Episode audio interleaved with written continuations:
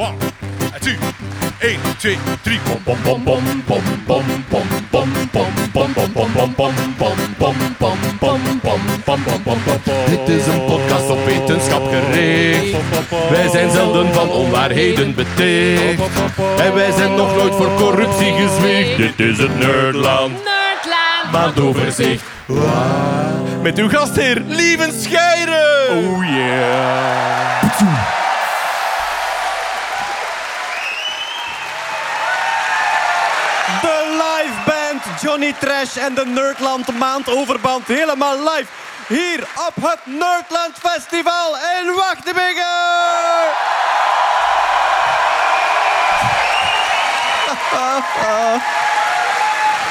ja. Boom. Iets meer dan vijf jaar geleden zat ik in een vochtig studiootje aan de Dampoort in Gent. Ik denk, met, met Kurt was erbij en Hetty, Stefanie was er ook bij. En dan dachten wij, we vinden het anders tof om elke maand een podcast over wetenschap te doen. En zie nu! Zie! Hier! Ah. Ah, ah. We houden zielsveel van jullie op een legale manier. Maar wij zitten weer klaar voor ons eh, eh, eh, Nerdland maandoverzicht. Wij gaan dus kijken naar het wetenschapsnieuws van de voorbije maand dat ons het meeste is opgevallen. En we gaan gewoon beginnen bij Kurt. Goedenavond. Dag Kurt Beheid, eh, hier aan wie- Oh nee, ik moet eerst iedereen overlopen. Ah, ja. Amai, hoe onbeleefd van mij. Helemaal aan uw rechterzijde, Bart van Peer. Daarnaast zien we Natta Kerkhoffs. Ook hier aanwezig Peter Bergs. En waar is Kurt? Daar is Kurt. Kurt Beheid. En nu mag het applaus iets luider, want een van de grondleggers en gigantische organisatoren van het festival, Hetty Hesbortel!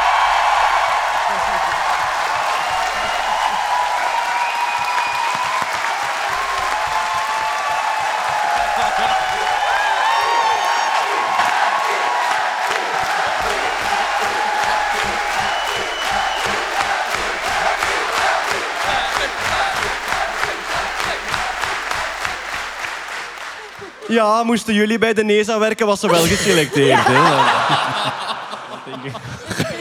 maar een zeer terecht applaus voor Hetty. En daarnaast iemand die ook serieus haar kilometers gedaan heeft. Samen met Hetty voor de organisatie Elsaar.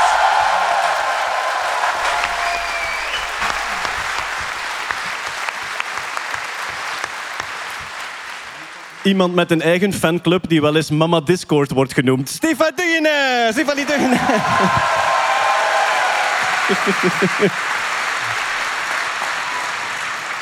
De enige professor op het podium, Marianne Verhelst!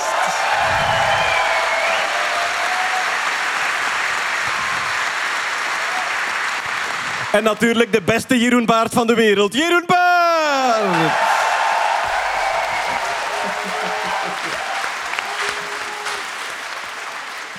En deze man. Goed. Ik ben het, de Jeroen Baart van de Carrefour. Geen sponsor. Alright, eh, ja, we gaan er gewoon aan beginnen. Kurt, ik was al begonnen bij u. Ja, Eh, Kurt, eerste onderwerp. Eh, eigenlijk droevig, bijna nostalgisch nieuws Absoluut. uit Amerika. Ik denk uit New York. uit New York. Ja. In New York hebben ze namelijk ehm, de laatste betaaltelefoon uit de grond gehaald. Oh. Het laatste telefoonkotje is Het laatste weg. telefoonkotje in New York is weg. Ehm, En dat is eigenlijk sinds 2014 is dat aan de gang. Hebben ze die eh stilletjes aan aan het vervangen geweest door wifi-kiosken. Iets raar, dat is zo'n box waar als je daar binnen gaat, dat je wifi hebt. Anyway, maar dus eigenlijk een vaste plaats om draadloos te kunnen bellen.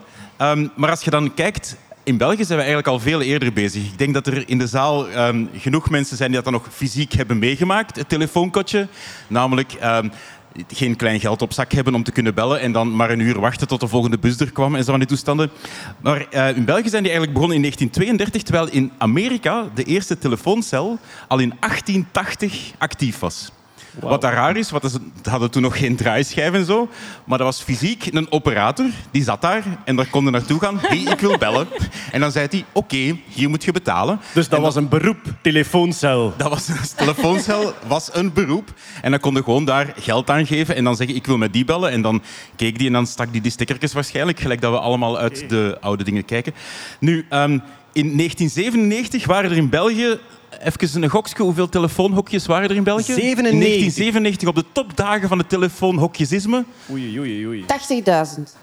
80.000. Nee, iemand meer, minder? 10.000. Het zit ertussen. 9237. Ah, nee, het zit er Ah, het is tussen. ertussen. Het is zaterdagavond. Ik ben uitgecheckt. Jeroen is al lang wakker. Ja, oké. Nee, er waren er 18.000. En eigenlijk was dat omdat er een wettelijke verplichting was. En in, ehm, eigenlijk om per 5000 inwoners moest er minstens één kotje zijn. Wauw. Oh. Voilà, dus in landelijke gebieden iets minder, in steden dan veel meer. Maar in 2013 schrapten ze eigenlijk die wettelijke verplichting. En sindsdien zijn eigenlijk alle telefoonkotjes aan het afgebouwd geweest. Hoeveel, Zijn... hoeveel halve telefooncellen had Wachtenbeke dan? In mijn jeugd woonden hier 7000 mensen. Ik denk dat er Ah, nu dus 8 of 9000 zijn. Dus 1,2 wij hadden- telefoons. Ja, ja, maar die van Zaflaar en de Gils, hè, maat. Nee, nee. Jammer.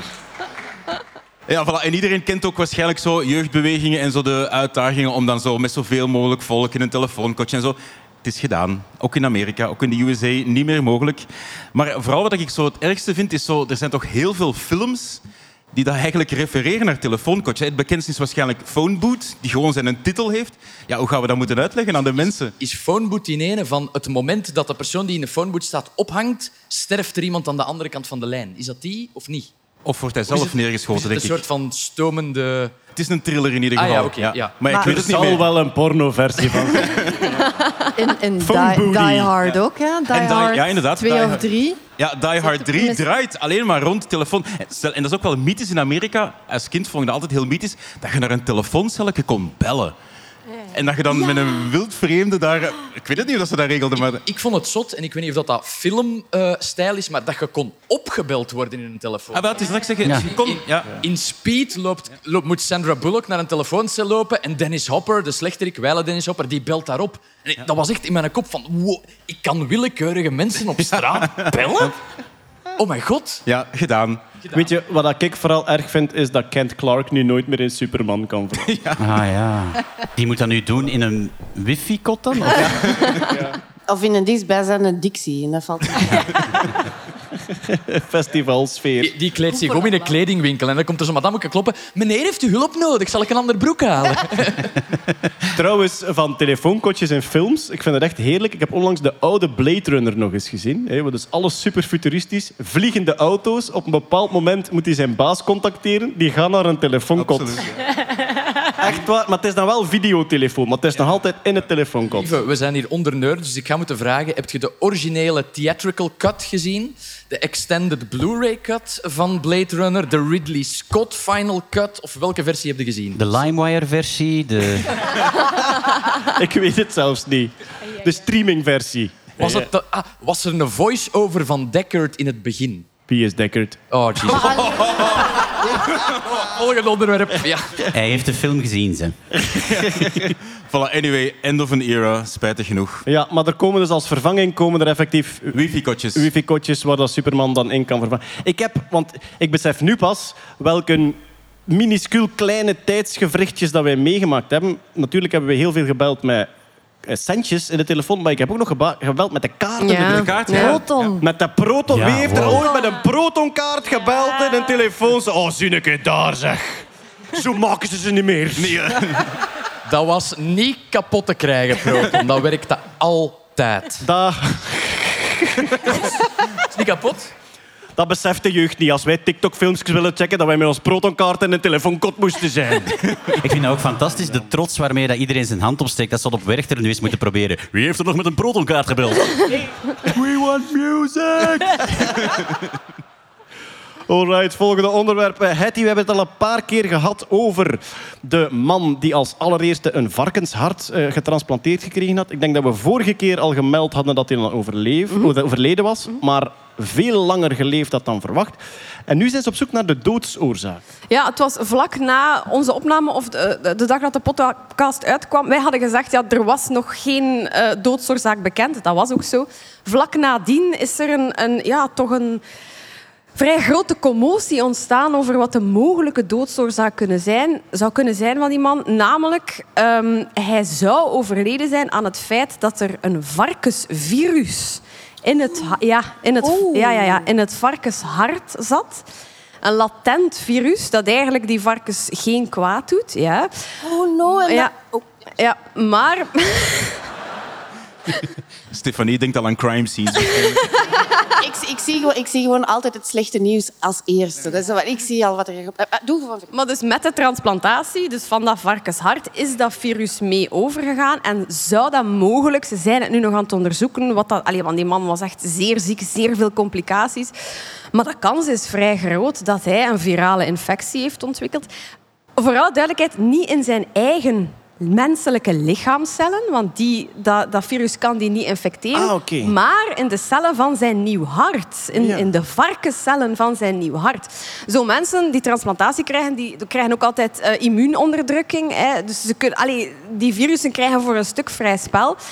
En dat was gigantisch groot nieuws, omdat dat natuurlijk een zeer, zeer, zeer groot probleem is in transplantaties. hè. We zouden zomaar even een nieuwe pandemie kunnen starten door op die manier... Ja, that sounds familiar. Daar hebben we nu geen zin in. Je voelt de zaal samen. Nieuwe wat starten? Volgende festival weer in drie jaar. Oh, nee. Heeft er ergens iemand een vleermuisnier getransplanteerd? Ik heb trouwens een foto gevonden van, van de man. Het Ja. is de linkse man. Ah ja, oké. Ik zeg het maar. Die heeft nog een liedje gezongen, hè, vlak voordat hij heen gegaan is voor zijn vrouw. Is dat? Ja. Was, maar weet je, liefste, het was een beetje in mijn huis. Nee. Sorry, die had ik al heel lang. We zijn blij dat het eruit is, eh, Bart. Ik kan naar huis gaan. Zeg maar, Hetty, je zegt latent virus. Ja. Dus is dat dan door de transplantatie geactiveerd? Vermoedelijk wel. Latent Oei, oei, oei. in die varkens zelf. Dat die daar geen last van hebben, dat die daar niet ziek van worden. En mogelijk is het inderdaad... Ja, dat is een gigantisch complexe omgeving ook. it's a first. Hè. Ik bedoel, we gaan even een volledig varkenshart transplanteren in mensen. Ehm, er is echt wel nog discussie over. Want ze hadden dit eigenlijk moeten kunnen voorkomen of moeten kunnen weten. Het bedrijf waarvan dat zij die varkens inkopen of gebruiken, garandeert ook, die zijn vrij van dat virus. Ai. En ze hebben waarschijnlijk niet de juiste test gedaan of niet diep genoeg gezocht voor.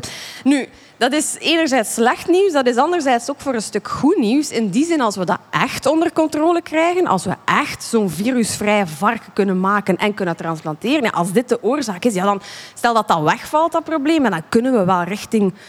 Kloppende varkensharten voor, voor jaren gaan in Ja, mensen. dus het is goed en slecht nieuws tegelijk eigenlijk. Ja, want eh, los van dat virus, zijn levensverwachting was toch, ah, zijn levensverwachting was toch veel korter. Hij heeft toch veel langer al uitgehouden dan Ja, absoluut. hadden, Ja, hij was op sterven na dood. En hij heeft zelf gezegd aan, aan, die, eh, aan dat team van chirurgen... Doe maar, probeer maar. Ook al ga ik er binnen de, weet ik veel, 48 uur aan dood... Dan, dan gaan jullie er tenminste iets uit geleerd hebben. Dus voilà. Ja, Jeroen was even beeldregie aan het doen in gebarentaal.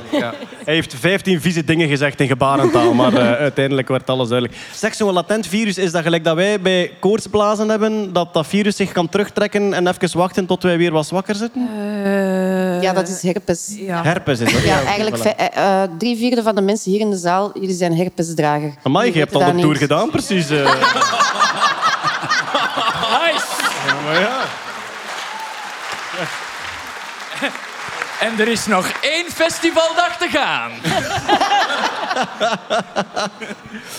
Dus dat is, dat is een virus dat eigenlijk in ons woont, maar zich koest houdt tot wij een zwak moment hebben, stressperiode, en dan hebben die koortsblazen terug. En dat, eh, ja. Ja, daar zijn vele analogieën over, maar ik, ik ken er nu even geen. Ja, even een zwak moment. Ja, en het Een grote, partner. het, gro- het grote probleem ook is, ze kunnen dat niet behandelen. Hè.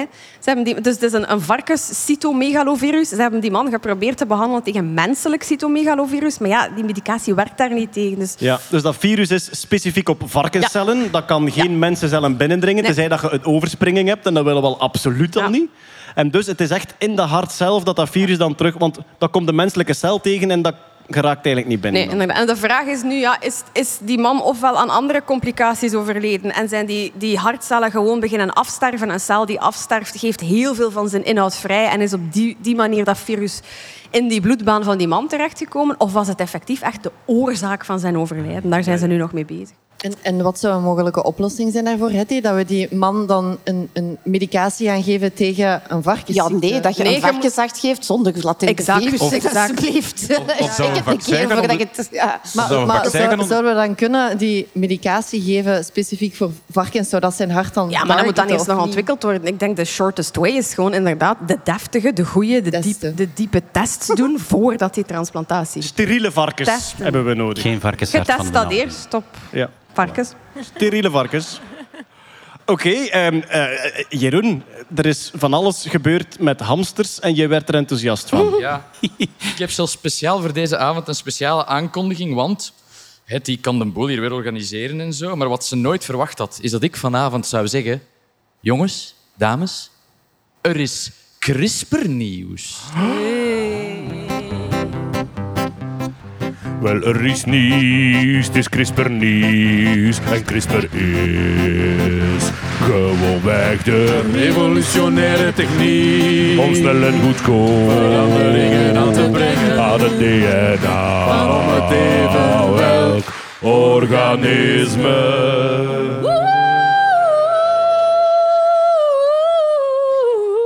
Ik zal meteen ook, omdat ik het CRISPR-nieuws... Daar is al iets mee gekrisperd, denk ik. Dat is, dus ik ben een beetje starstruck omdat ik oog in oog sta met de...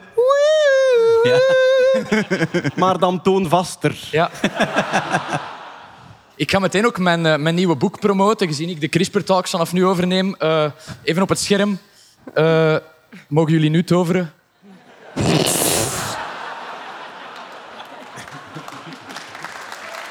Ja, ik, ik pak dat over. Hetty is te druk bezig. Nee, eh, dames en heren, alle, alle gekheid op een stokje. Ehm, ik wil gewoon alle jingles verzamelen. Het is ook een beetje tututum nieuws. Dus ik ga de titel zeggen en dan wil ik een tututum. Hier gaan we. Misschien met heel de, wel op, op, op aangeven van met heel de Ja, zaal. Hè. heel de zaal. Ik ga de titel lezen en dan gaan we. 1, 2, 3. Onderzoekers kweken via CRISPR's... CRISPR's, CRISPR's. En hoe was uw Ik kan boek? het, het, ik kan het, Hetty. Wat was uw boek ook weer? De gekniptere genen. Onderzoekers kweken via CRISPR turbo-agressieve Syrische hamsters. We tonen even een superagressieve Syrische hamster. Oh. Ziet dat, dat is een doodlink beest. Wat, dat, the beast of Karbanach. wat er gebeurd is, neurowetenschappers aan de Georgia State University... University, University, weet dat, vul het zelf in. Eh Els fixt dat wel in post Jeroen praat woorden vandaag. Dat was de titel van het boek, denk ik. Sorry. Jongens, ik ben het die aan het nadoen. Er is een bepaald... Nee, Jeroen, Nee, ik gewoon, ik wil gewoon doorgeraken. Jongens, vasopressin is een hormoon, Hetty, dat klopt. Ja, ja. Ah, voilà, kijk. En dat eh, beïnvloedt het sociaal gedrag van die beestjes. Hoe goed dat die met elkaar omgaan, hoe dat die de pikorde eh, in, hun, in hun kolonie, ik weet niet wat dan een kolonie hamsters is, maakt niet uit, selecteren. En dus het is een, een hormoon dat het sociaal gedrag beïnvloedt. En wat dat de onderzoekers dachten is, we gaan dat hormoon uitschakelen en we gaan daarmee supertamme hamsters Nee, we gaan de receptor voor de we gaan de receptor voor het hormoon uitschakelen. Dank je. Ik was even aan het kijken of dat je nog aan het volgen was. Voilà. Dit is Jeroen vanuit de montage. Maar wat doet het hormoon? Het maakt agressiever of minder agressief? Ja, maar ja, dat is heel de clue van het verhaal. Hè. Ze Wacht. dachten dat dat hormoon Ja. de hamsters socialer maakte en meer intera- lieten interageren met elkaar. En ze wilden eigenlijk tammere hamsters. Dus ze schakelen de receptor voor dat hormoon uit. Wat bleek? Ze kweekten hyperagressieve Syrische hamsters. Zowel de mannetjes als de vrouwtjes. waar dat vroeger vooral de mannetjes stam waren, nu waren ze allemaal meteen hyperagressief. De persoon van het onderzoek zegt we don't understand this system as well as we thought we did. Het is iets dat vrij vaak voorkomt, Hetty, dat we denken dat Ja. we weten hoe dat iets werkt. Met CRISPR eh, eraan zitten foefelen. Ik zeg we, wij, CRISPR-wetenschappers. Ja. En dat we ontdekken dat het niet is wat we denken. En dat dus eigenlijk vasopressin, dat dat niet alleen de functie heeft om eh, sociaal gedrag te beïnvloeden, maar dat het veel wijder in het systeem werkt. Dat ze dachten, we hebben hier iets uitgesingeld, heel lokaal, dat we kunnen uitschakelen. Maar zoals bij heel veel van die CRISPR-onderzoeken, je kunt dan één ding foefelen en ergens in een totaal ander systeem, sociaal gedrag, uiterlijk, een, ja, een, een resultaat krijgen dat niet oké is. Dat is best wel interessant, denk ik. Ah, ja, ja. Dat, hebt- Maar ja, dat zijn al die, dat zijn al die feedback loops en Ja. zo, het biochemisch systeem, alles dat is wat jij ook toont in uw show, of toch in de XL-versie van uw show, die hele eh, pathways. van- Biochemical pathways, Allee, dat ja. is waanzin. En, maar van, daarom vind, vind ik CRISPR heel interessant. Omdat wij gewoon... Ja, wij denken dat wij die pathways kennen, maar door even hier en daar een knip te zetten of iets weg te halen, gaan we nog, gaat er nog veel meer boven komen. En dat super, super Ik, ik, interessant. ik weet dat het een foto is, maar hoe meer dat je babbelt, hoe angstiger dat de hamster eruit ziet. Deze is klaar om uw keel over te bijten. Ah, ja, dat is juist. Nee, maar wat ik ook geleerd heb door dat onderzoek... Ik dacht altijd, je test dat eerst op muizen. Ja. Waarom Syrische hamsters? Wat blijkt uit dit onderzoek, of toch wat dat de mensen zeggen... De Syrische hamster is eigenlijk qua sociaal gedrag ligt veel dichter tegen de mens en maakt ook oncologisch dezelfde soort kankers aan. En daarom is het voor sommige onderzoeken interessanter om het eerst op Syrische hamsters te testen. Nu, ik denk dat we een hele hoop t-shirts gedrukt hebben met... en ik zou die graag willen veranderen in- in getest dat eerst op Syrische hamsters vanaf nu. Eh, dus ja, ik vond, ik vond het super interessant. Sorry, Hetty, dat ik de CRISPR-kroon van u Nee, gestolen nee, heb. ik had toch geen tijd. Ik zie Jeroen? hyperagressieve eh, hamsters. eh, Maar, maar Jeroen, het, Ja. het- je bedoelt toch Syrische hamster? Want wij verstaan de hele tijd cynische hamsters. Ja, ik was ook aan het denken... Hamsters. Cynische hamsters. Ze gaan die satire beginnen maken. En zo. uit Syrië. Assad. Burgeroorlog. Ah, oké, Syrië. Een hamster, hè. Een hamster. Amai, ze gaan nog eens crisperen, ze, de mannen. De cynische hamster. Allee. Ja. Ja, de cynische Syrische hamster. Ja, Oké. Ze gaan ons kalm maken, het zal weer vet zijn. Ik wil wel eens zien waar dat, dat ge... Ja. En nu gaan ze ook ehm, eh, in dat eh, kot vol agressieve Syrische hamsters... zijn er nu ook IS-hamsters gesignaleerd die de Syrische gaan bestrijden. En eh, er is een Die soort... hadden, al, ja, die hadden al lang die genen uitgeschakeld, maar de rest wist dat nog niet. Ja, voilà. Kijk, een kleine, kleine burgeroorlog bij de Syrische hamsters. Gaat het nog, Jeroen? Ja, ik, ik, ik was krampachtig een, een, een mop aan het bedenken met, met Al-Qaeda, maar het gaat niet komen. En het gaat, als het komt, gaat het niet voor publicatie zijn. Dus ik zal, misschien komt ze straks nog, dat ik in het midden van een onderwerp opeens ehm Taliban zeg. En dan hoppakee, ja, zwart. We zien wel. Alright, maar kijk, dus eh, eh, prachtig wetenschappelijk nieuws. We weten hoe we schattige hamsters super agressief moeten maken. Eh, goed gedaan, wetenschap. Ehm, Peter, we gaan naar de eh, insectjes. En er zou een nieuwe manier zijn om insecticiden te produceren. Ja, en een iets milieuvriendelijker manier, blijkbaar. Ehm, het is een beetje een crossover tussen eh, de productie van biofuels.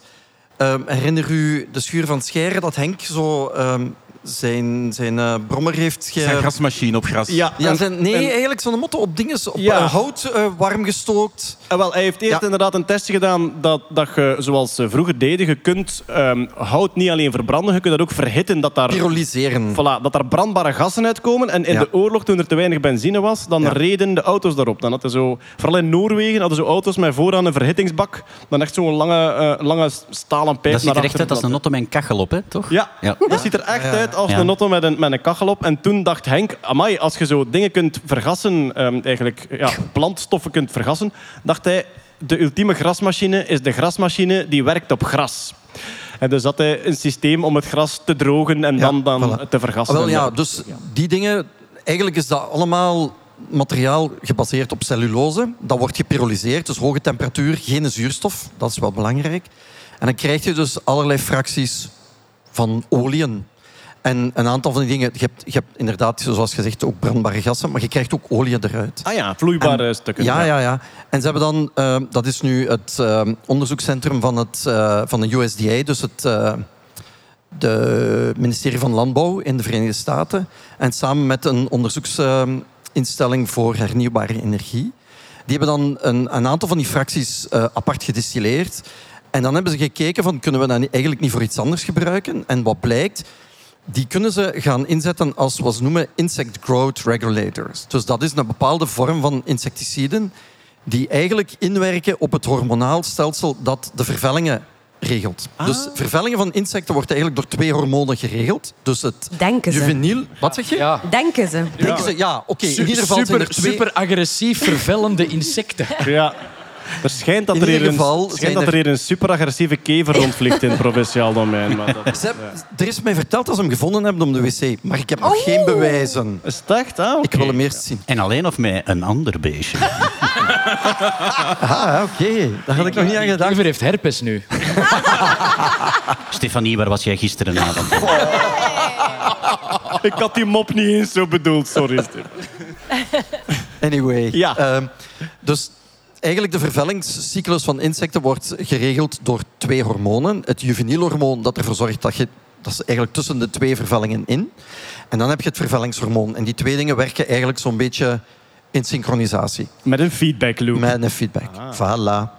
En die IGR's, want dat is een redelijk eh, ja, recent, maar dan spreek ik over de laatste 30, 40 jaar, eh, type van, van insecticiden. En nu blijkt dat die bepaalde oliën inderdaad als IGR's kunnen worden gebruikt. En dus wat je dan eigenlijk doet met een insect is, het blijft altijd maar dikker worden, maar het vel blijft zitten en het, eh, het sterft eigenlijk omdat zijn vel eh, over zichzelf dat heen is krimpt. één manier. De andere is dat die... Dat is één manier, maar Ja. dat is een methode. Nee, nee, maar dat, dat, dat klopt inderdaad. Dus dat, die, dat eigenlijk dat juveniele hormoon blijft zitten en dat beest blijft groeien, maar ja, En scheurt open. scheurt open. Ons is. De andere... De andere manier is dat zo'n beest blijft vervellen en nooit volwassen wordt. Ah, en dan oké. vervelt hij zichzelf dood. Ah, oké. Ja. Verveeld, verveeld. Verveeld, verveeld, ja. ja. Ja, ik had hetzelfde. Ik zit hier voor het keukenraam onnoemelijk te vervellen. Ja. Nu, Oneindig te vervellen. eh, het ding is wel, dat werkt dus niet op volwassen insecten. werkt logischerwijze alleen maar op de larven. Hè. En eh, waar ze het nu op hebben toegepast, is op drie soorten kevers die eh, vooral op granen zitten. Dus tribolium is eigenlijk een, een, een heel klein kevertje dat heel schadelijk is in, in, in, in granen, maar ook in maalderijen. Dus vooral voor wat ze noemen stored products pest. Dus als je graanopslag, meelopslag, dan komen die beesten daarin. Meel, meelmotten is ook zoiets. Ja, ja. En dat is een heel, heel vervelend, eh, dat zijn heel vervelende plagen. Maar je mag daar geen schadelijke insecticiden gebruiken, want dat is nog voor menselijke consumptie.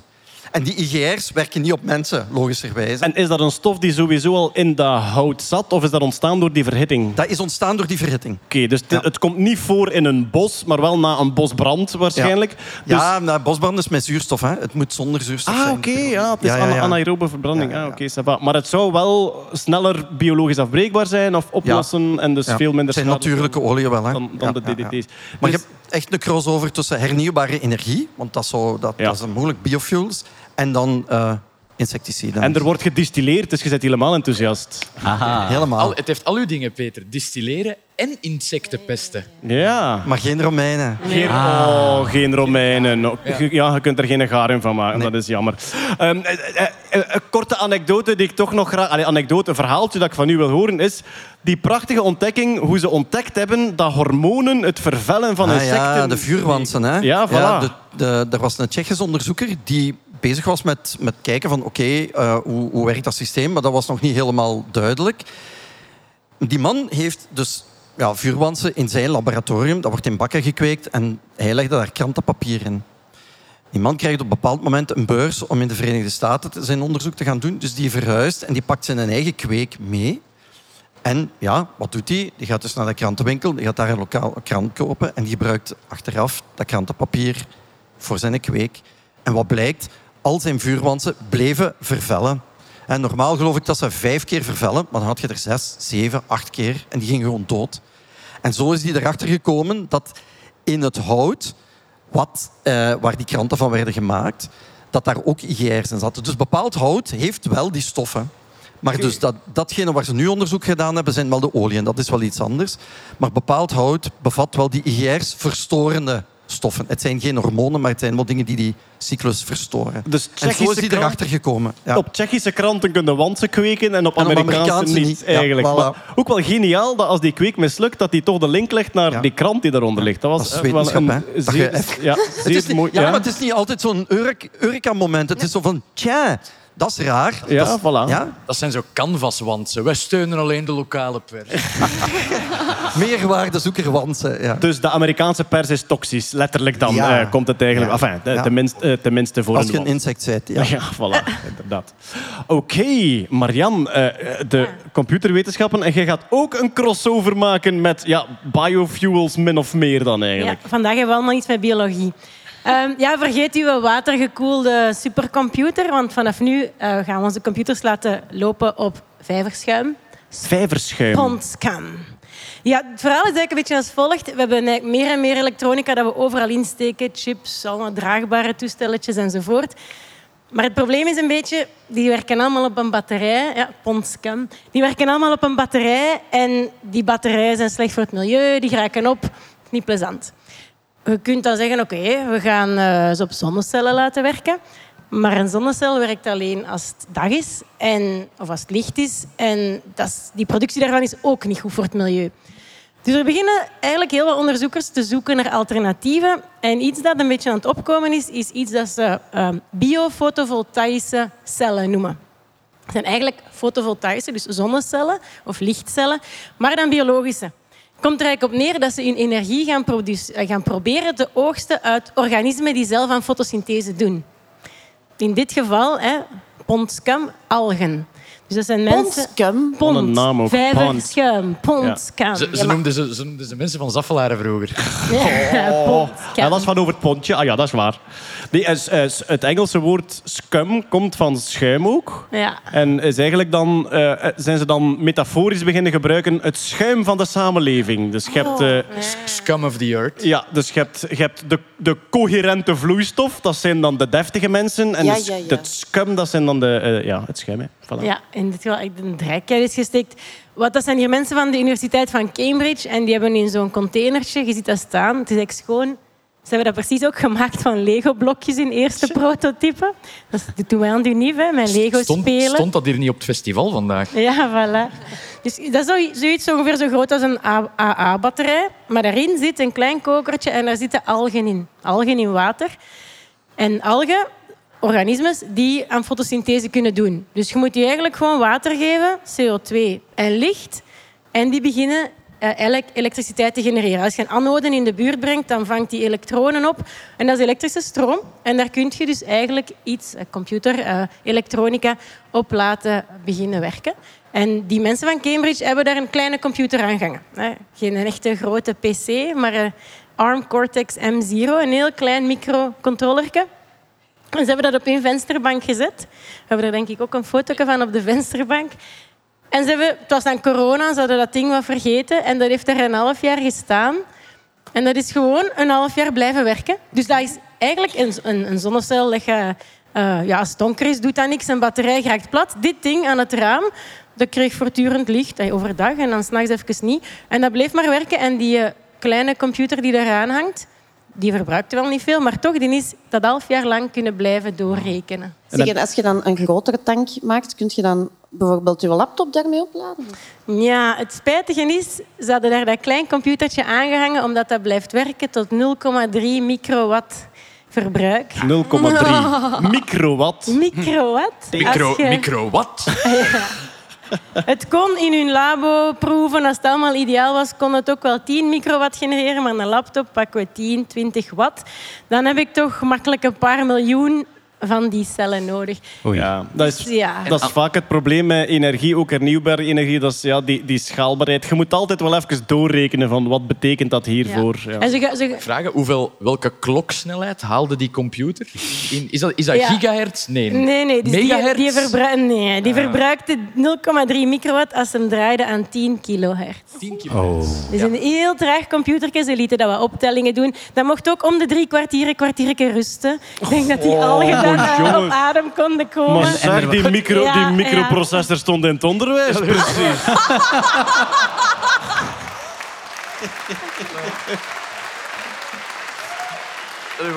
Een, een, derde, een derde van ons publiek geschoffeerd in Ja, één zin. eh, daar Ja, en komen ik de ook, e-mails, ik lieven. Daar komen de e-mails. Sorry, dat was een, een mop en dat is allemaal niet waar. En jullie bouwen de toekomst. Dank, Dank u wel. voor je daarvoor. feedback. dus je kunt dan als excuus gebruiken... Sorry dat ik mijn taak niet heb ingeleverd. Mijn schuim was moe. Titel van je... Wa- Nee, wat dat ik...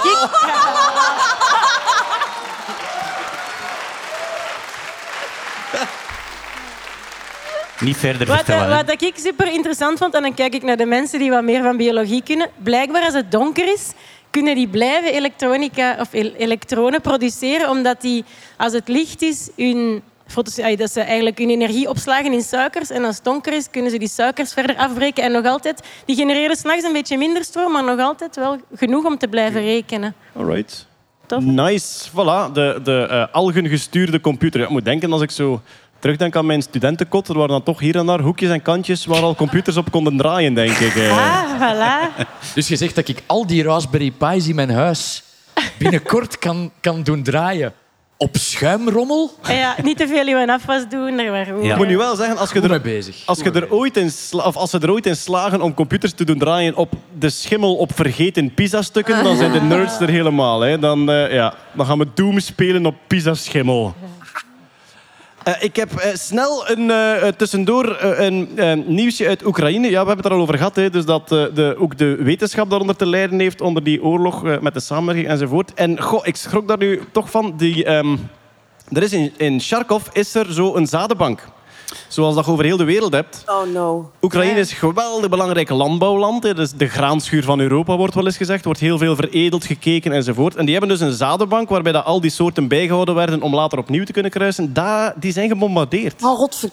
Dus er is Ik had een... het zien aankomen, hè. Wat, Al twee hadden minuten. nu verwacht? Ja, ja, Ja. Ik had altijd gehoord dat ze die zadenbanken zo heel veel in, in het hoge noorden staken, dat die Ja. zaden er Ja, dat, zat niet er zouden in, uitkomen. dat zit toch in een rots? Eh, Klopt, Je zei dat is in, in, een ehm, zadenbank geweest en dat was echt in een Svalbard. rots. Ja, in Spitsbergen hebben ze, eh, eh, dus Spitsbergen een eiland nog een stuk boven Noorwegen, hebben ze eh, een kelder gegraven in een rots die in de permafrost zit, dus waar het eigenlijk altijd vriest. Een natuurlijke diepvries die geen elektriciteit nodig heeft. Ik denk wel dat ze pompen nodig hebben om het water eruit te halen, dus we moeten nog een beetje zoeken. Daar zitten zaden van over heel de wereld en met heel de wereld bedoelen ze heel de wereld. Zelfs Noord-Korea slaat zijn zaden daarop, dus dat is alweer eh, science peace, zoals het nergens anders eh, voorkomt. Eh, en de bedoeling daar is inderdaad voornamelijk... zij doen voornamelijk backups van officiële zadenbanken. Ze hebben nog maar één keer moeten terugzaden uitleveren en dat was aan Syrië. Dus in Syrië is er ook een zadenbank gebombardeerd geweest. En dus nu is die eh, zadenbank van eh eh, Charkov gebombardeerd geweest. Er was wel een, een aanzienlijk verlies. Niet alles was verloren, maar een aanzienlijk verlies. En het probleem is, er was nog maar een klein stuk van die zadenbank gebackupt in Spitsbergen. Dus er zijn bepaalde soorten waarschijnlijk eh, voor eeuwig verloren. En weten we welke? Eh, nee, het is allemaal graan, eh, allemaal, ja, graan tarwe, eh, dat soort dingen. Ah, ja. Ja, ja, het bier, het bier. Someone think of the Ja, beer. In, in Spitsbergen ook, ik denk een paar kilometer van waar die zadenbank is, is er ook code van GitHub tot 2018 van de zoveel... Ah, er is iemand die... Zit je code in de Arctic Vault? Ze hebben, Wauw. ze hebben van de populairste projecten op GitHub, een platform waar mensen samen software maken, hebben ze alle code gedownload en die in een Arctic Vault gestoken. en dan Ah, krijg je zo'n kleine badge op GitHub die zegt mijn code steekt in het poolijs. Ah, tof. Allee. Er, is nu zelfs, eh, er, is, er was ook deze maand een voorstel om dataservers op de maan te zetten. Ah zo? Ja, het was een, een Amerikaans bedrijf en eh, Lone Star, denk ik, heette ze. En het was redelijk serieus, want eh, ze hebben verschillende partners. Eén daarvan bouwt al servers voor het ISS. Eh, de andere ehm, eh, doen al lanceringen, niet zelf waarschijnlijk, maar zo faciliteren medelancering. En die hebben nu ja, een paar miljoen opgehaald om dataservers in de lavatunnels onder het maanoppervlak op te slaan. Het probleem is, eh, de koeling is daar moeilijk omdat je geen lucht hebt. Dus je moet allemaal via straling en zo moet je moet je, je koeling kwijtgeraken. En zij zeiden, zij zien twee toekomstmogelijkheden. Eén, al die activiteit die er hopelijk komt op de maan over 10 of 20 jaar, die gaan lokale dataservers nodig hebben. Er komt misschien een ruimtestation rond de maan enzovoort. En zij zeiden ook, het is de ultieme disaster-proof opslag van uw data. Als je, veel, veel fabrieken bijvoorbeeld, zware industrie, die gaan hun lokale servers aan de ene kant en de andere kant van het industrieterrein zetten. Als er de ene kant ontploft, als ze het andere hebben. En natuurlijk tegenwoordig in de cloud zetten dat nog, ergens, nog eens ergens anders. Maar ja, Ik hoor alle systeembeheerders in het publiek al zweten, want nu worden die uit hun bed gebeld om ergens een server in een kelder te gaan schoppen. Als je maanbotten moet aantrekken... Zeg maar, gaan dat niet gewoon gok- en pornoservers worden? Want dat is, dat daar is geen jurisdictie daar. Oh, ja- jawel, er, er bestaat een opleiding ruimtewetgeving. Ja, Ah. En het zou kunnen dat dat daaronder Dus valt. internationale wateren zijn nog altijd Ja. beter dan Die, die, op de die maan. pornoservers die moeten aan de dark side of the moon. Ja, Space Law is effectief, want er- de- je hebt hier de ruimtetentoonstelling in Antwerpen ook. En daar ben ik iemand tegengekomen die gespecialiseerd was in Space Law. Oké. Dus eh, ja, ruimteadvocaat. Ja. Ehm, yes. Maar goed, ja, zij willen, die, zij willen die servers daar dus gaan bouwen. Het zou natuurlijk alleen maar zijn voor opslag en niet om rechtstreeks mee te werken, want je zit met drie seconden vertraging. Hè. Dus heen en terug, anderhalve seconde heen, anderhalve seconde terug. Dus het is niet direct om Ja, eh, te gaan... en de, de bandbreedte dat je naar daar hebt, dat zal ook wel zwaar Ja, tegenvallen. Eh, wacht, ze, zij spraken toch van... hoeveel, hoeveel is een thuisverbinding? Een hele snelle thuisverbinding? Is dat 300 megabyte per seconde, zoiets? Ja, megabit. Megabit. Ah, voilà. ja, ah, wel, zij spraken van in eerste instantie, ik geloof, een tienvoud van een snelle thuisverbinding, om dan later up te scalen als het... eh, Maar voor de nostalgie is het nog wel eens tof dat die foto zo... Wow. Dan zijn ze van de dark side aan het downloaden. Dus, eh, maar, ja. Dan Bart, Spannend. dan Bart haalde het einde niet. Nooit gelukt. Die was al content als ze hem in tepel gezien heeft. was moe. Dat is hier toch 16 plus vanavond? Ja, ja, ja. ja, ja. Enfin, met tepel bedoel ik pixel natuurlijk. Maar, eh. Eh, ja, we gaan verder en er is fandom nieuws. En goed, er is maar één fandom waar ik helemaal wild van word. En gelukkig heb ik een fandom buddy hier aan deze tafel. Els, ja, groot Doctor Who nieuws. Er is een nieuwe dokter. De nieuwe dokter! Ja, voor de mensen die het niet volgen, heet Doctor Who, superpopulaire reeks die al bijna 60 Wacht, wacht, jaar wacht, loopt. Oh, wacht, sorry. Ja, all yours. Oh, dat komt nog. Eh, nee, dus er is een nieuwe dokter. Eh, hij heet Shuti Gatwa. Daar moeten we even op oefenen. Dat is eh, eh, een, een zwarte acteur die ook meedoet in Sex Education. Dus het is eh, de linkse. Ja. Ja. Ja, ik denk dat... Ja. Ah, Wel, dus eh herald, heraldisch links. Ja. Nee, heraldisch rechts. Ik weet het niet. Iets heraldisch. Ja. Enfin, ja, die, die zwarte jongen dus. hè. Ja. Ehm, dat is dus de nieuwe dokter. Die is eh, afgelopen maand is die bekendgemaakt. Eh, maar dat was niet het enige supertoffe Doctor Who nieuws. Want er komt in het najaar een centente... centen, ja, BBC is 100 jaar oud. en doet dus de special van Doctor Who. En op set zijn twee mensen gesignaleerd, namelijk David Tennant en Catherine, Tate. Oeh. Dat is de beste dokter die er ooit geweest is, met de beste companion. David Tennant is my doctor. Wie, wie is een David Tennant uh, Hoevian in de zaal daar? Wie is een Matt Smith Hoevian? Mag ook, mag ook. mag ook. Jodie. Het is, het is ze zelf, Peter denk ik. Capaldi? Ah, toch? Kijk eens. aan. Dr. Ja. Kegels van op de Citadellaan.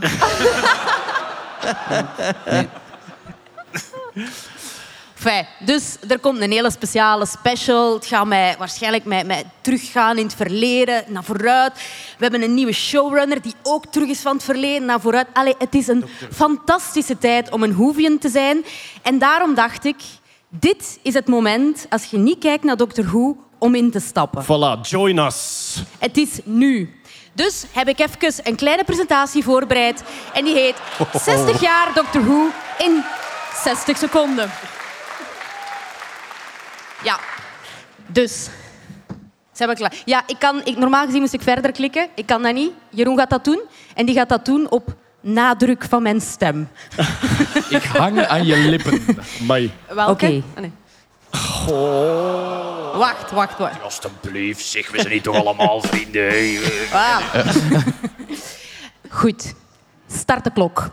Doctor Who is een serie over een buitenaards wezen, de dokter, met twee harten, die door de tijd en ruimte kan reizen met zijn TARDIS. Dat staat voor Time and Relative Dimension in Space. Relative Dimension, dat wil ook zeggen dat de TARDIS groter is aan de binnenkant dan aan de buitenkant. Het is een running joke in de serie dat als je de eerste keer een TARDIS binnenkomt, dat je zegt, oh my god, it's bigger on the inside.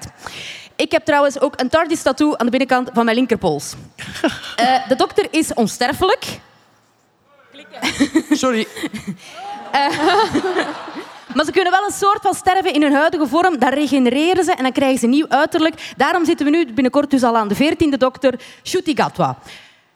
Het interieur van de TARDIS past zich trouwens ook elke keer aan aan een nieuwe dokter. Net als hun sonic screwdriver. Dat is het enige wapen dat de dokter heeft. En die heeft dat altijd bij. Het doet eigenlijk alleen maar wieuw, wieuw, wieuw, wieuw. En dat doet ook alles open, behalve houten deuren. Dat gaat niet omdat het eenzaam is als onsterfelijke, pikt de dokter ook telkens mensen op van de aarde. Dat zijn zijn companions om hem te vergezellen.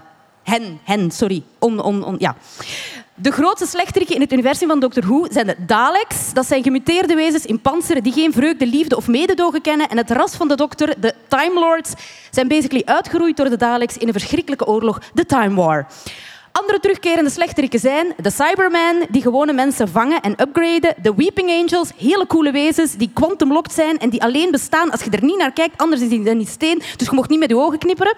En de Sontarans, een ras van gekloonde warriors die lijken op patatten en alleen maar willen oorlog voeren. En nu zit ik ongeveer aan 90 seconden, maar dat is niet erg, want tijd en ruimte zijn toch relatief bij Doctor Who.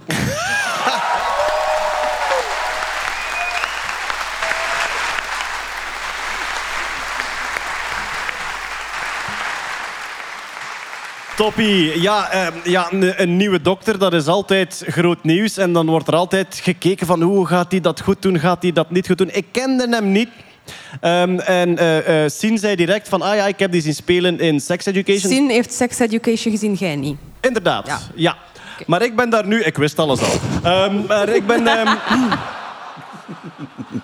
maar ik ben daar nu ook beginnen kijken, gewoon om te zien wat voor acteur is dat. Gaat dat een goede dokter zijn? Ik moet zeggen, ik heb er een, een, ik heb er een zeer goed oog in. Die gaat dat keigoed doen. Wel, maar hij kan comedy spelen. Ja. En laat ons eerlijk zijn, eh Tennant was een goede comedyacteur. Smith had ook nog de flikker in zijn ogen. Ja, Capaldi niet zo. Ja, en nog- Jodie Whittaker, lover, maar het is ook geen punchline. Het is ook geen punchline comedian.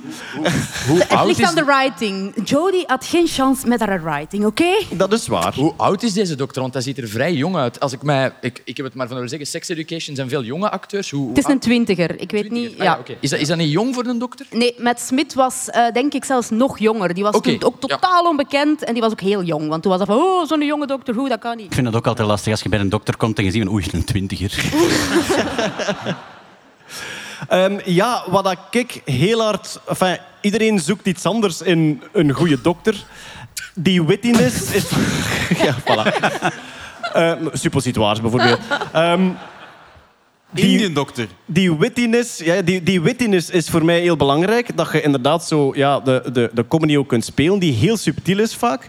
Wat ik ook gemerkt heb bij mijn eigen, ik wil graag een dokter die in control is. Die een volledig zelfvertrouwen heeft. En hoe chaotisch en hoe zot dat ook wordt, waar je altijd van gelooft, die heeft dat nog in dand. En bij David Tennant kon het ruimteschip half in brand staan en die kon met grote ogen rondlopen, maar dacht altijd, kom goed en weet wat er gebeurt. Had ik bij Capaldi en Whittaker ook niet echt. En deze gaat dat kunnen, volgens Ja. mij. Waar, waar kunnen we kijken naar Doctor Who? Hier in, hier in ons Belgenlandje. Ehm, ja. Of, eh, op BBC iPlayer, maar, Ja, maar dat mag niet.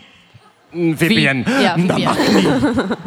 of eh, via... eh, ja... Hij staat wel... Er staan, er staan reeksen op bepaalde streaming sites, maar ik weet nu niet welke. Wie weet er op welke streaming sites Ja. dat er Dr. Who... Zo op maar Netflix is heel... Allee, ik heb dat een paar keer moeten opzeggen, want dan zitten ze halverwege een reeks en dan smijt ze dat daar ineens weer af. Allee, ja, ik vind het wel moeilijk. We gaan gewoon knipogen naar onze sponsor Telenet en zeggen... They'll find a way. Maar die reeks wordt natuurlijk uitgezonden op de BBC en dat is echt wel Ja. oldschool. Dat is met de digicorder programmeren en zo. Hè. Ja. Live kijken. Ah, nog beter. En dan direct de chat size op. Oh, hij is beter dan Tennant. Nee, dat is niet waar. Dat mogen je niet zeggen. Ja, voilà.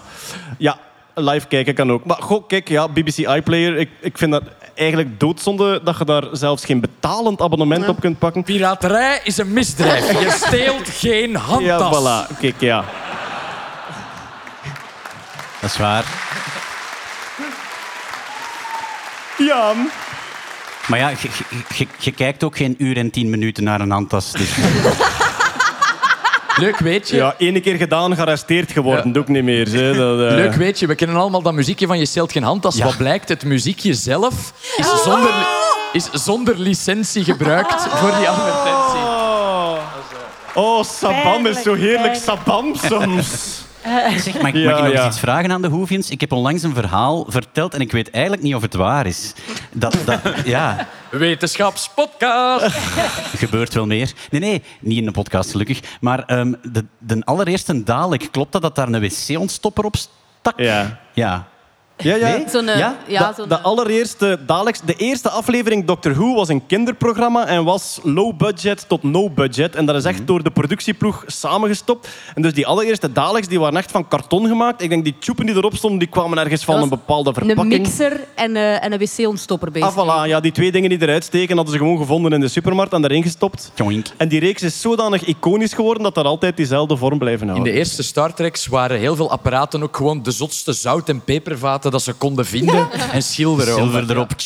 Ja. Ah, was dat Jar Jar Binks? Of was dat... Nee, nee, nee. Ja, nee, Star Trek, Star Wars, ander, ander fandom dat is gaan we nu niet. hetzelfde, dat is hetzelfde. Dat, is, niet hetzelfde. Maar jawel. Probeer, probeer me niet kwaad te krijgen. Dat is, dat, is, dat is met die gouden robot met zijn puntoortjes. Ik ga die je zegt... veranderen in een cynische hamster. Hè. Lieven Scheire werd 41. Er staat ook een TARDIS op de foodcourt. Hè? Ah ja, daar staat in een TARDIS op het En, festival. en hoe ergerlijk, ergerlijk is dat voor Hoevians als, ze, als daar telefooncel tegen gezegd wordt? Nee, niet, want dat Niet? is een Ah, telefooncel. Die is vermomd als een telefooncel, maar dat is Ah, blijven steken. dat is in een politiebox. Ja, ja. Die is Dus weg, normaal- politie is eerst- weg. ja, Die paste zich altijd aan aan de omgeving waarin dat die landde. Maar op een gegeven moment is er zo een circuit kapot gegaan en toen kon hij niet meer veranderen, dus die is een telefooncel gebleven. Dat is, een- dat is een wifi-punt nu. Trouwens, even shout-out naar Michiel, die hier een TARDIS heeft gezet. Echt mega cool een Michiel, TARDIS-bouwer. dank u wel voor de TARDIS. Voilà, maar kijk... eh, de nieuwe Doctor Who-reeks komt eraan met een nieuwe dokter. En er komt ook een Sensation, een 100-jarige Ja, viering 100 jaar van de BBC, BBC. in het, in het najaar. Er zijn twee dingen die dringend op streamingsdiensten moeten beschikbaar worden hier van BBC iPlayer. En dat is Inside Number 9, waar net een nieuwe reeks van gedaan is, die fantastisch was. En eh Doctor Who, hè, dat sowieso. Maar ja, goed. Gelukkig is er geen enkele illegale manier om BBC iPlayer te bekijken vanuit België. Dan denk ik dat het zo langzaamaan tijd is voor... Hila.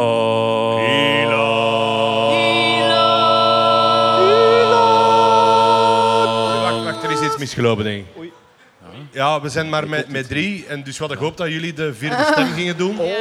Het, het leek een beetje op een, op een eh, raket van SpaceX eigenlijk. Zo. Het, het begon zeer veelbelovend, maar op het einde is het toch gecrashed. Dus, eh, we, we gaan dat nog eens opnieuw doen voor jullie, oké? Goed. Hila. Hila.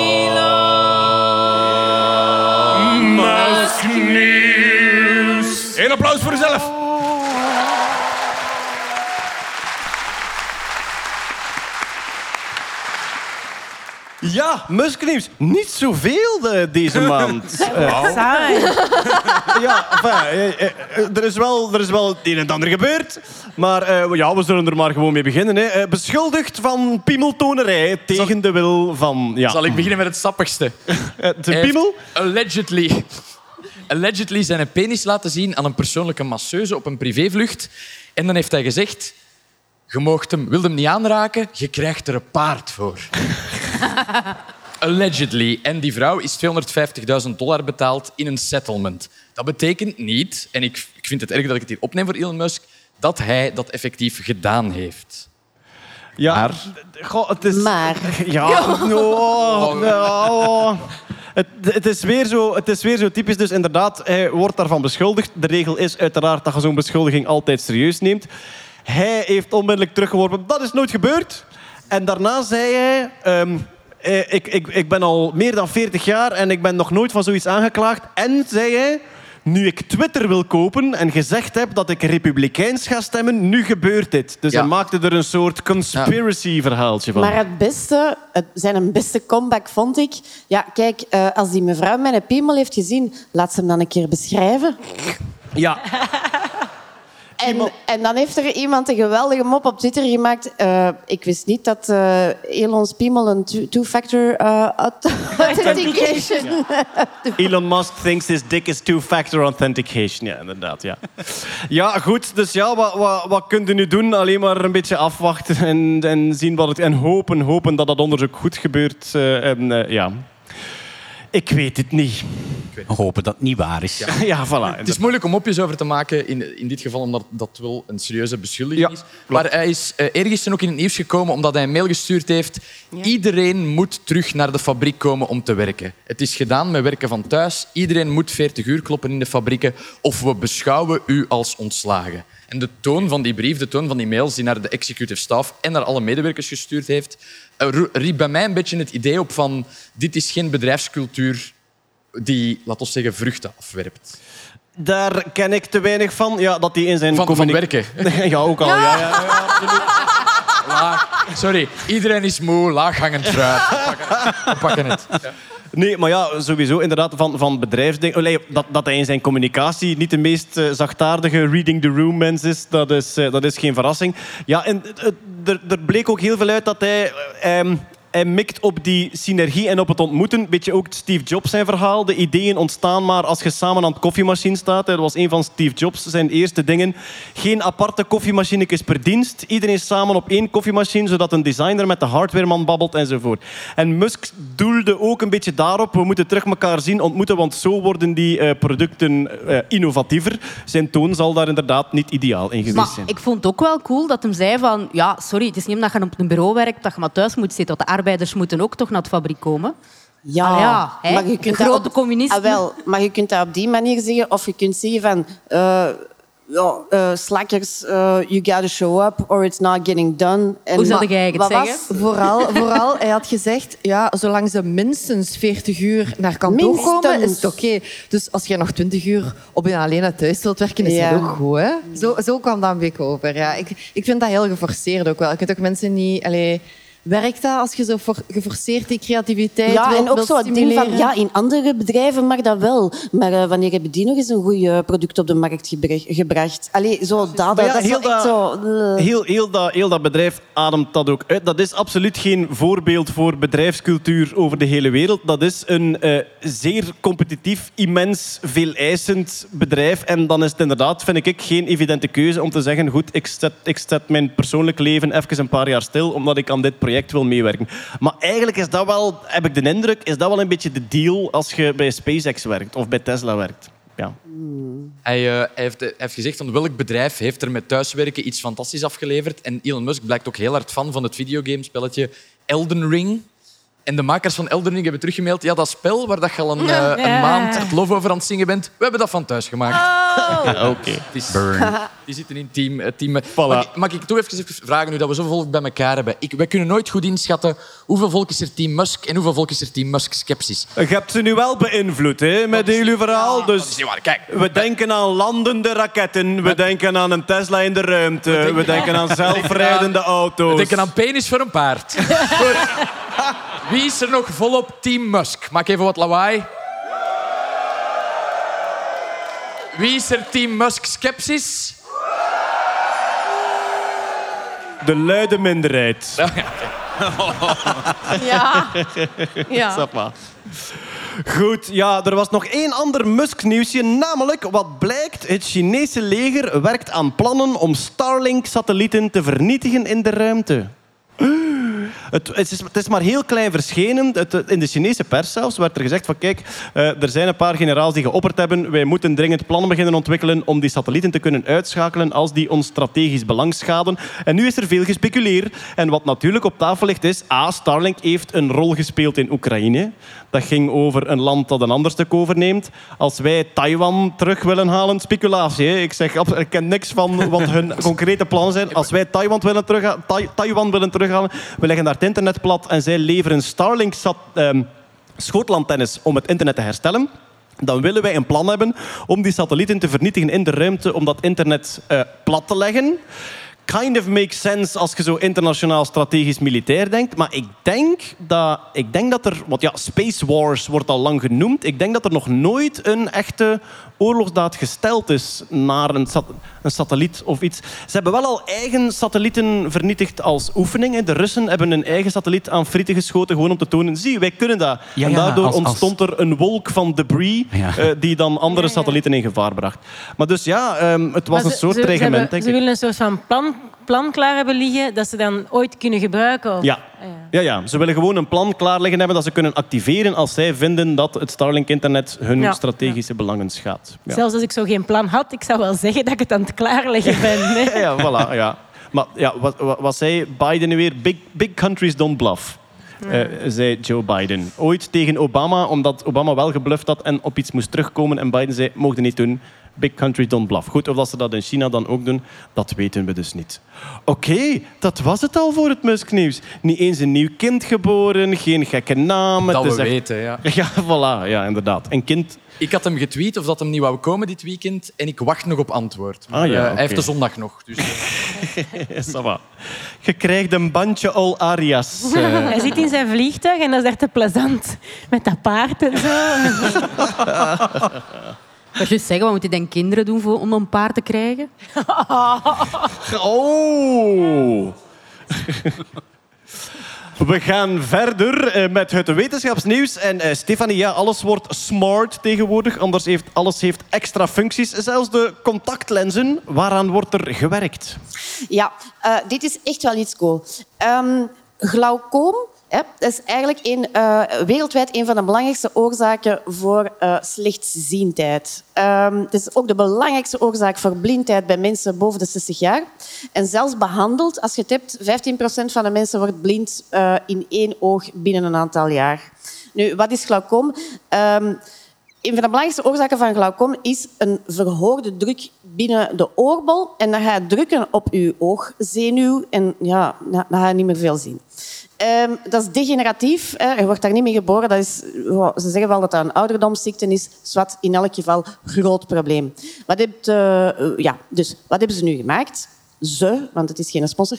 Ehm, een, een lens die een smart lens die eigenlijk bestaat uit twee lagen. Ehm, je hebt de buitenste laag van de lens. Ja, dit is nu echt een heel ingewikkelde slide. Maar je moet gewoon naar het laatste, het allerlaatste plaatje kijken. Ehm, dus helemaal rechts beneden. Ja, dat dus. Dat is de lens. Eh, die bestaat uit aan de buitenkant zes koperen plaatjes. En die plaatjes die gaan een eh, drukmeting kunnen geven. Dus die kunnen, die kunnen meten wanneer dat de oogdruk te hoog is.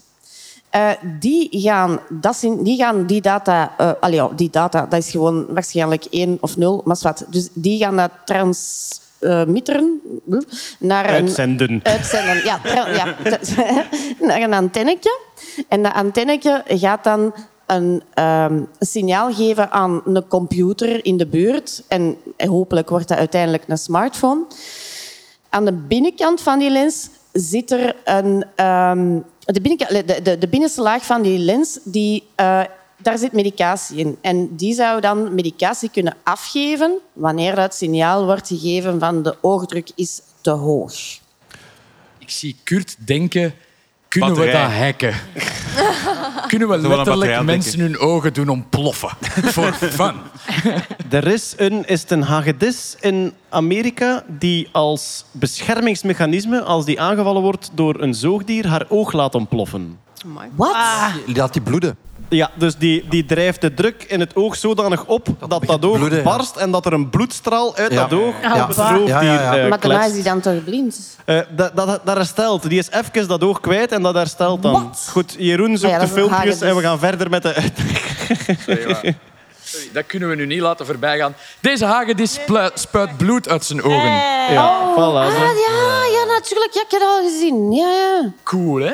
Ja. Oh my. Cool. Dat is wel heel erg metal Maar, trouwens. ja, maar dus, de- ja, we gaan dat oude mensjes niet aandoen natuurlijk. Ja, ik bedoel, in, het zou een bloedbad worden in het, in het, Het kan de eh, handtasdiefstallen tegengaan. in het, woonzorg, in het woonzorgcentrum. Zo. Zwart. Nee, dat gaan we niet doen. Ehm, ja, ehm, ja eh, eh, de, de- op. het is getest, eh, niet in muizen, ook niet in Syrische hamsters, maar in, ja, in konijnen. Ehm, konijnen zonder glaucoma wel. Maar eh, ja, het is daar wel goed in gelukt. En ja, oh, konijntjes zijn schattig. Maar kijk, wat willen we? Eh, minder blinde oude mensen of een paar getraumatiseerde konijnen? Wacht, dus ze hebben konijnen zonder glaucoom ervoor gezorgd dat die geen glaucoom hebben. Ze hebben eigenlijk gewoon die hun ogendruk verminderd. Ah ja, ik weet niet, ja, dat gaat niet tof zijn geweest voor die konijnen, maar kijk, ja, het is gelukt. Zwat. Ehm, ja, het is niet de enigste toepassing eh, van die smartlenzen. Eh, Johnson Johnson bijvoorbeeld is bezig met een smartlens die antihistaminica kan afgeven. Ik denk, hoeveel mensen zijn er hier met hooikoorts in de zaal? Oeh. Ja, en hier is het er erg, hè? Ja. Ah, wel. Dus, eh, Johnson Johnson zit in fase 3 met een contactlens die, is, die antihistaminica zou kunnen afgeven.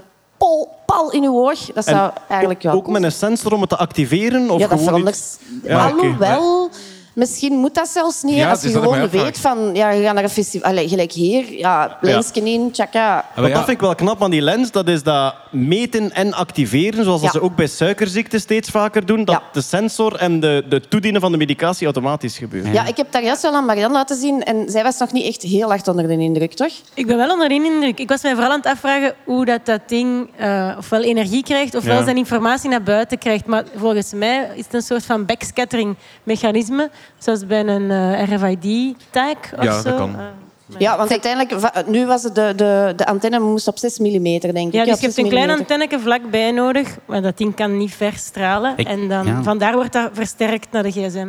Ik had vooral schrik dat daar een bug in ging ging zitten, van, dat je constant signaal kreeg van de druk in je oog is te hoog. Kan het zijn dat er een hoogtechnologische lens in zit? Je weet, je weet hoe dat ze glaucoom ook noemen? In, eh, ehm, nature's Instagram filter. Oh.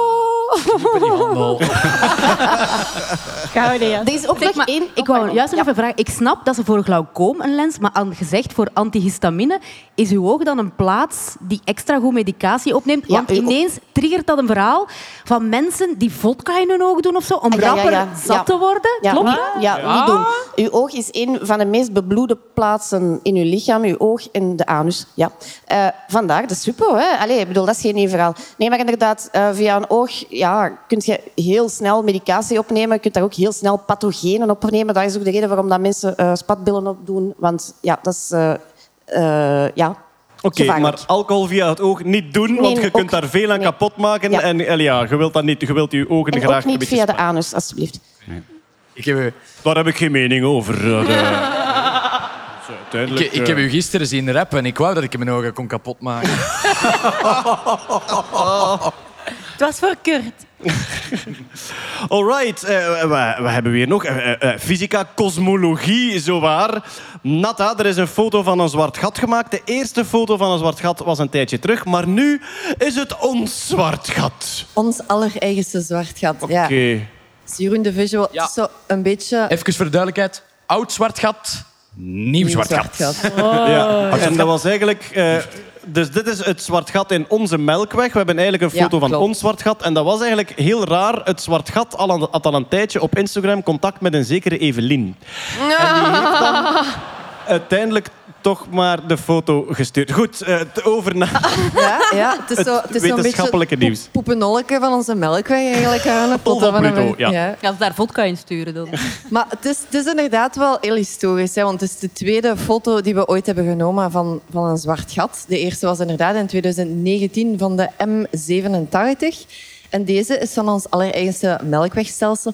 En dat is ook wel cool, omdat we nu... Dit is voor de eerste keer dat we bewijs hebben dat er in het centrum van onze melkweg een zwart gat zich bevindt. Maar dat wisten we toch? Nee, eh, wel, maar dat heeft Dat mij was geweldig... dat was er dus nog niet. Dat, is een van de, dat vond ik een van de verrassingen ook in de Ja. opleiding Ja. fysica. Dat die prof zei van... Goh, die zwarte gaten, heel veel aanleiding toe. Theoretisch klopt het allemaal. Maar nog niet zeker, hè, jongens. Dus al tientallen jaren zijn wetenschappers daar mee bezig en zeggen ze ja, dat heeft eigenlijk bedenken dat daar een zwart gat moet zijn, maar we hebben daar eigenlijk geen bewijs van tot vorige maand dus eigenlijk en nu hebben we dat, Dat is bewijs. keigroot wel. nieuws dan. Ja, wel, want in 2020 is er nog een Nobelprijs eh, voor de natuurkunde uitgereikt aan, uitgereikt aan Gensel en Guys voor, en I quote, The discovery of a supermassive compact object at the center of our galaxy.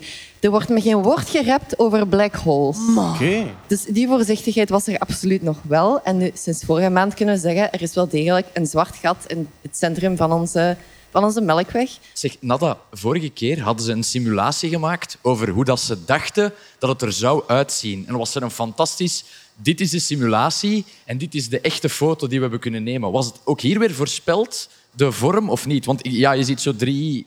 Hier, hier heb ik de voorspelling eigenlijk niet gezien, maar je ziet sowieso al dat het ook heel erg lijkt eigenlijk op, eh, op de vorige foto van het zwart gat. Hè. Het, het Eh, heeft een beetje dezelfde vorm. Dus in het midden zie je het zwart gat, of zien, het is meer een schaduw dat je ziet. Daar want ontbreekt het zwart gat eigenlijk, kun je ja. per definitie niet zien.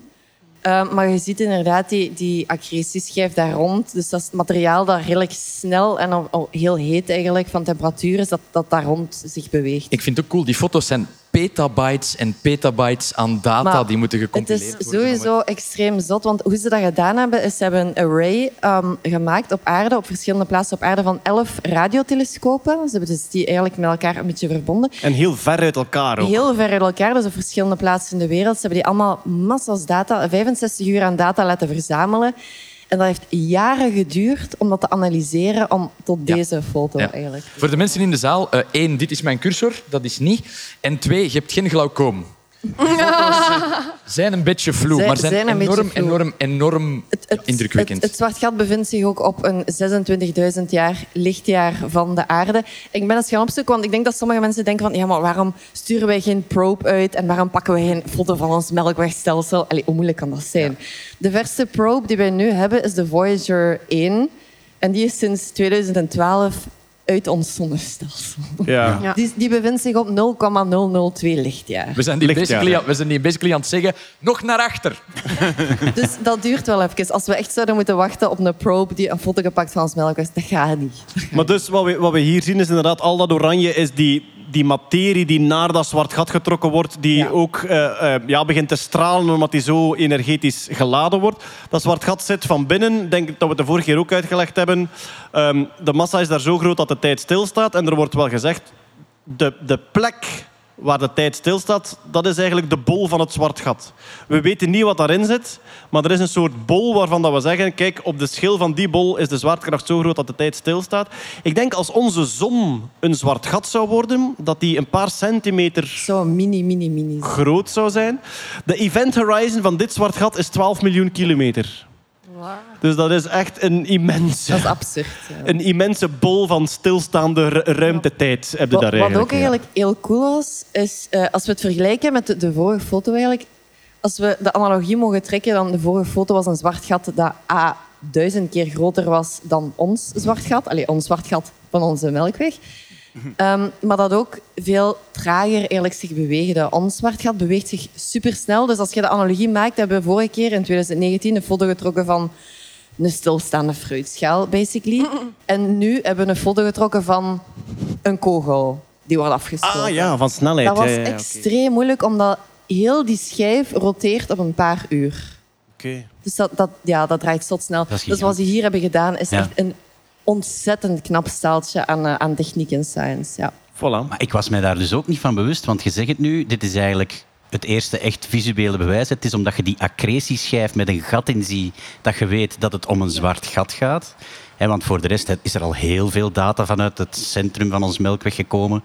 En dat wordt dan inderdaad een compact object. En dat, allee, dat valt mij eigenlijk nu pas te binnen, dat zwaartekrachtlenzen, die dat we heel veel hebben en, en waarvan dat we ook weten van kijk, dat is, dat is licht dat van heel ver van de melkweg of eender welke andere lichtbron gekomen is en onderweg een stuk gekromde ruimte is gepasseerd. Ik ging daar tot nu toe ook vanuit van, ah ja, kijk, dat bewijst het bestaan van een zwart gat. Niet echt, dat bewijst gewoon dat er iets is Een heel, dat de ruimte heel compact... Ja, dat kan iets maar niet noodzakelijk een zwart gat zoals, zoals we het kennen uit die afbeelding. Dus dat is inderdaad zot. Maar Ja. daarom dat in 2019 die ontdekking, allee, die foto ook zo cool was. Want dat was de allereerste keer dat we visueel bewijs hadden van dat Yes. zwart gat eigenlijk. We zijn hier onder nerds. Ik ga het toch moeten doen. Ik vind dat het een beetje lijkt op het logo van Ubuntu. Die, ma- die mannen weten meer. hè. Illuminati. Ja, ja, ja. Die hebben nu een server daar staan. ja. Oké, eh, eh, goed. Dan eh, heb ik nog één nieuwsje staan. En dat is, eh, de seconde wordt geherdefinieerd. Nee, dat gaan we niet doen. Een seconde is een seconde. Ja, nee, nee. De seconde blijft even lang, maar hij wordt preciezer gedefinieerd. De huidige definitie van een seconde is... Ja, eh, v- ja, vroeger was de definitie van een seconde... Je neemt een dag, gedeeld dat in 24 uur... gedeeld die allemaal in 60 minuten en dan in 60 seconden. Eh, maar nu... ehm, ja, dus was dat eigenlijk een deel van een dag. Maar ja, de aarde die draait steeds trager. Dus als je aan die definitie vasthoudt, dan zou je seconde effectief een klein, klein beetje langer worden. En dat wilde natuurlijk niet in de natuurkunde. Dus hebben ze gedacht, kom, we nemen een objectieve natuurkundige definitie. Namelijk iets meer dan 9 miljard, 9 miljard trillingen van een bepaalde straling die een cesiumatoom atoom kan uitsturen als die van één energieniveau naar het ander valt. Dat zijn die atoomklokken die we gebruiken. Dus de seconde was gedefinieerd tot op iets meer dan een 9 miljardste van een seconde. Wat blijkt al een tijdje? Niet alleen de fysische processen, de fysica-onderzoeken die ze doen, hebben een, hebben een preciezere definitie nodig dan een 9 miljardste van een seconde. In CERN zijn er deeltjes die minder lang bestaan dan een 9 miljardste van een seconde. Ehm, maar het belangrijkste, er zijn nieuwe atoomklokken die veel sneller kunnen tikken. Dus er zijn met, met ytterbium-ionen hebben ze eigenlijk nog fijnere, ehm, ja, nog hogere frequentiestralen kunnen maken. En nu zouden ze gaan naar eh, atoomklokken met 1 biljoen trillingen of meer per seconde, waardoor dat die seconde veel preciezer wordt. Ze willen de definitie beslissen tegen 2026 en invoeren tegen 2030. Maar waar stond ik? Waar ben ik licht van achterover gevallen met die atoomklok-experimenten die ze gedaan hebben? Ze zijn dus nu bezig met nieuwe atoomklokken, optische atoomklokken, die zodanig precies zijn. Ze waren een bepaald experiment aan het doen. Ze proberen twee van die atoomklokken synchroon te laten lopen en dat is mislukt. En ze snapten niet waarom. Tot als er iemand zei, die ene staat een paar centimeter hoger en door de verminderde zwaartekracht van de aarde gaat de tijd sneller voor dat ding. Allee. Het is niet dat er een Amerikaanse gazet onder lag. Een verschil van een paar centimeter zorgt ervoor, door relativiteit, door mindere zwaartekracht, dat de tijd daar sneller gaat. Ze zijn dan beginnen experimenteren en dat was gewoon universiteiten tegen elkaar. Welk hoogteverschil kunnen wij meten met onze superprecieze atoomklok? Ze hebben een verschil in Duitsland hebben ze een verschil gemeten van 0,2 millimeter. Allee. Dus de ene klok staat 0,2 millimeter verder van het centrum van de aarde. En je kunt dat meten in de tijdvertraging van het tikken van de klok. Allee. Maar zij zeiden ook, dat opent ook weer een mogelijkheid naar totaal nieuwe sensoren. Je kunt eigenlijk hoogtemeting gaan doen, eigenlijk afstand tot het zwaartekrachtcentrum van de aarde kunnen gaan doen. Veel preciezer dan zeeniveau of gelijk qua. Kun je eigenlijk gewoon met dat soort klokken gaan doen. En ook allerlei andere processen willen ze daar nu mee gaan doen. Ze Maar hebben, kijk, ook, ze hebben ook een atoomklok in uh, Wachtebeke gezet en die liep achteruit hier. Omdat wij Time Lords zijn, eh, Jeroen Baart.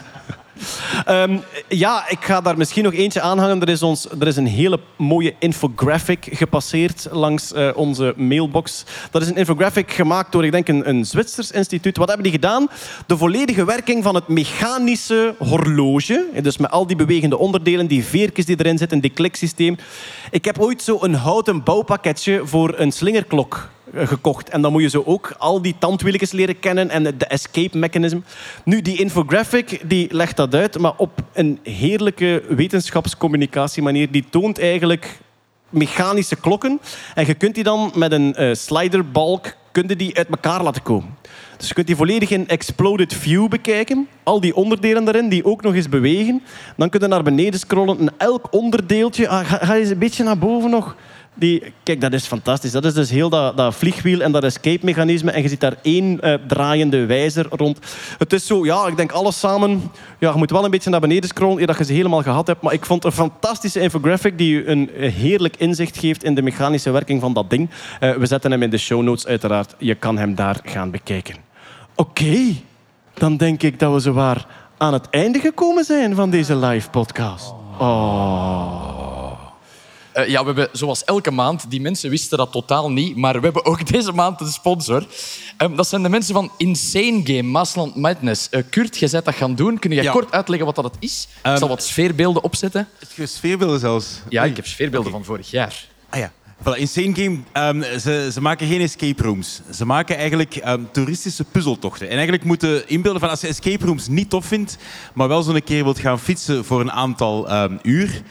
Ehm, want het zijn tochten van 40, 50 kilometer zelfs. Met af en toe een tof uitdaging, een toffe puzzel en af en toe een appje en een drankje. In een mooie sfeer, dat is echt iets voor u. Want we zijn dat gaan doen en de deze hebben we gespeeld, spijtig genoeg niet in het water, maar het is zo'n doolhof waarin dat je dan met een magneet eh, eruit moet gaan. Maar ze gaan wel een beetje next level soms. En dat is wel ehm, heel cool. Ehm, zeker omdat je zo... Ja, het zijn zo toeristische tochten, maar met een extra aspect daarbij. Inderdaad. Inderdaad. En Jeroen is op zijn telefoon bezig, maar Inderdaad, ik weet niet wat hij ja. aan het doen is. Ehm, wa- wat dan we nog moeten zeggen, dat is, ja, het, is dus een, het is dus een tocht buiten. Je bent, je bent niet opgesloten ergens. Ehm, je hebt een Nee. hapje, je hebt een drankje. Eh, het, het is heel leuk. En de mensen achter het systeem, eh, de- het zijn ook redelijk bekend. Bart van Loon en Loes Jansen, dat is een ingenieurskoppel dat wij eigenlijk allemaal al heel lang kennen. Dat zijn super toffe mensen en die steken daar echt hart en ziel in. Ehm, die lopen hier ook ergens rond. Eh, Bart en Loes, zijn jullie hier ergens? Ik heb nog met Bart in het presidium gezeten. Daar staat hem. Bart. Alle vragen en info daar, eh insanegame.be, gaat je het vinden.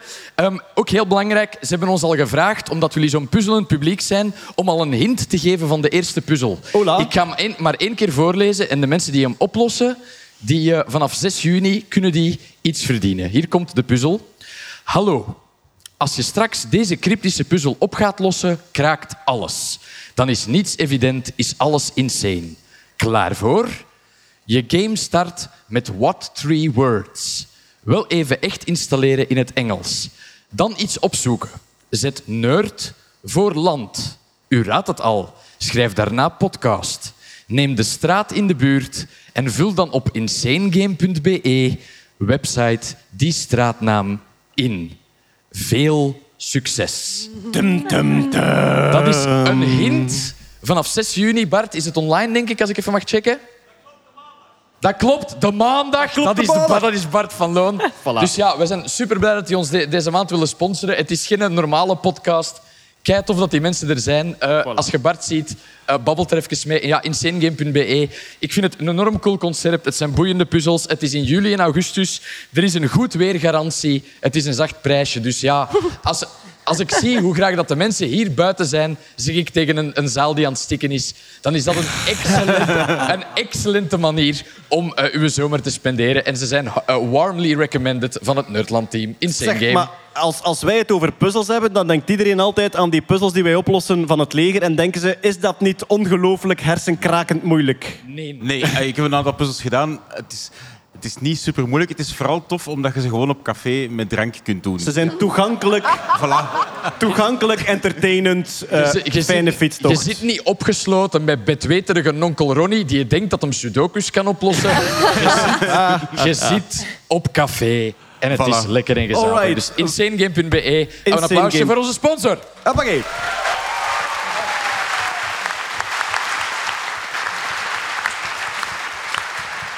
Dan hebben wij zelf nog enkele dingen gemaakt. Namelijk, Hetty, er is een doeboek nummer 4. Yes! Ja. Doeboek voor kleine nerds. We hebben er al drie gemaakt. En het vierde is net uit, vers van de pers. Ja, ik heb hem hier op het festival voor het eerst eh, in mijn handen gehad. Dus Ja. eh, mijn lieftallige vrouw heeft daar weer eh, heel veel puzzels in gemaakt. Er staat van alles in. Fossielen, Ja. luciferraketjes. Ja, het is... Ik heb een stukje geschreven over stadsfossielen. Dus hoe dat je... Bijna iedereen hier in de zaal heeft fossielen in, in hun huis van 240 miljoen jaar oud. Namelijk in Arduinsteen, in vensterbanken enzovoort. Die zijn heel gemakkelijk te herkennen. En eens dat je die leert herkennen, vind je overal in Vlaanderen fossielen van 240 miljoen jaar oud. Eh horenraadkoraaltjes, eh, wat zeg ik, honingraadkoraaltjes, eh zeeleliefragmenten eh, zie je daar eigenlijk Jan, overal. Kurt heeft Jan. een eh, geheim slot gemaakt. Of Ja. dat leer je daar? Ja, voilà, het is dat je eigenlijk een lade in je bureaukast kunt eh, verstoppen, dat je ouders daar niet in kunnen, dat je daar eigenlijk een slot mee maakt.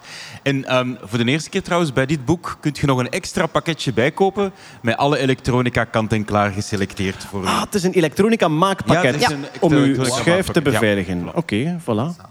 En ik heb een hoofdstukje geschreven over wat zit er in een computer. Alright. Porno? Schuim. Daar moet je het boek voor kopen. Wat zit er in een computer? Zoek de temporary internet files. Eh, Oké, en dan hebben wij nog een aankondiging, Hetty. En ik denk dat dit zo eh, een, een- ja, dat het de eerste keer is dat we Ja. het aankondigen. Want wij gaan zowaar in november, 26 november, doen wij een gigantische wetenschapsshow voor kleine nerds in een zaaltje in Antwerpen. Ja. Hoe heet het ook weer? De Lotto Arena. De Lotto Arena. ja. Ehm. Het is een groot plan. We zijn er al volop mee bezig, want we dachten... we kunnen na dit festival toch niet stilvallen en niks te doen hebben. Dus eh, we gaan echt eraan werken om daar een gigantische wetenschapsshow van te maken voor de Lotto Arena. Tickets voor... zijn in verkoop van gisteren. Dus, Voilà, eh, ja. voor jong en oud. 26 november 2022. Daar ga je nog heel veel meer over horen de komende maanden. Maar de tickets zijn nu al te koop. Goed, maar ja, ik ga sowieso onze podcasters bedanken. Maar eerst ons fantastische publiek die erbij waren vanavond. Super, merci. Laat ons dat alle maanden live doen. We zijn hier nu toch. En dan bedank ik natuurlijk de podcasters Bart van Peer, Natta Gergoms, Peter Bergs, Kurt Bij, Hetty Helsmoortel, Els Aert, Stefanie, Marianne Verhelst Eli Rubart.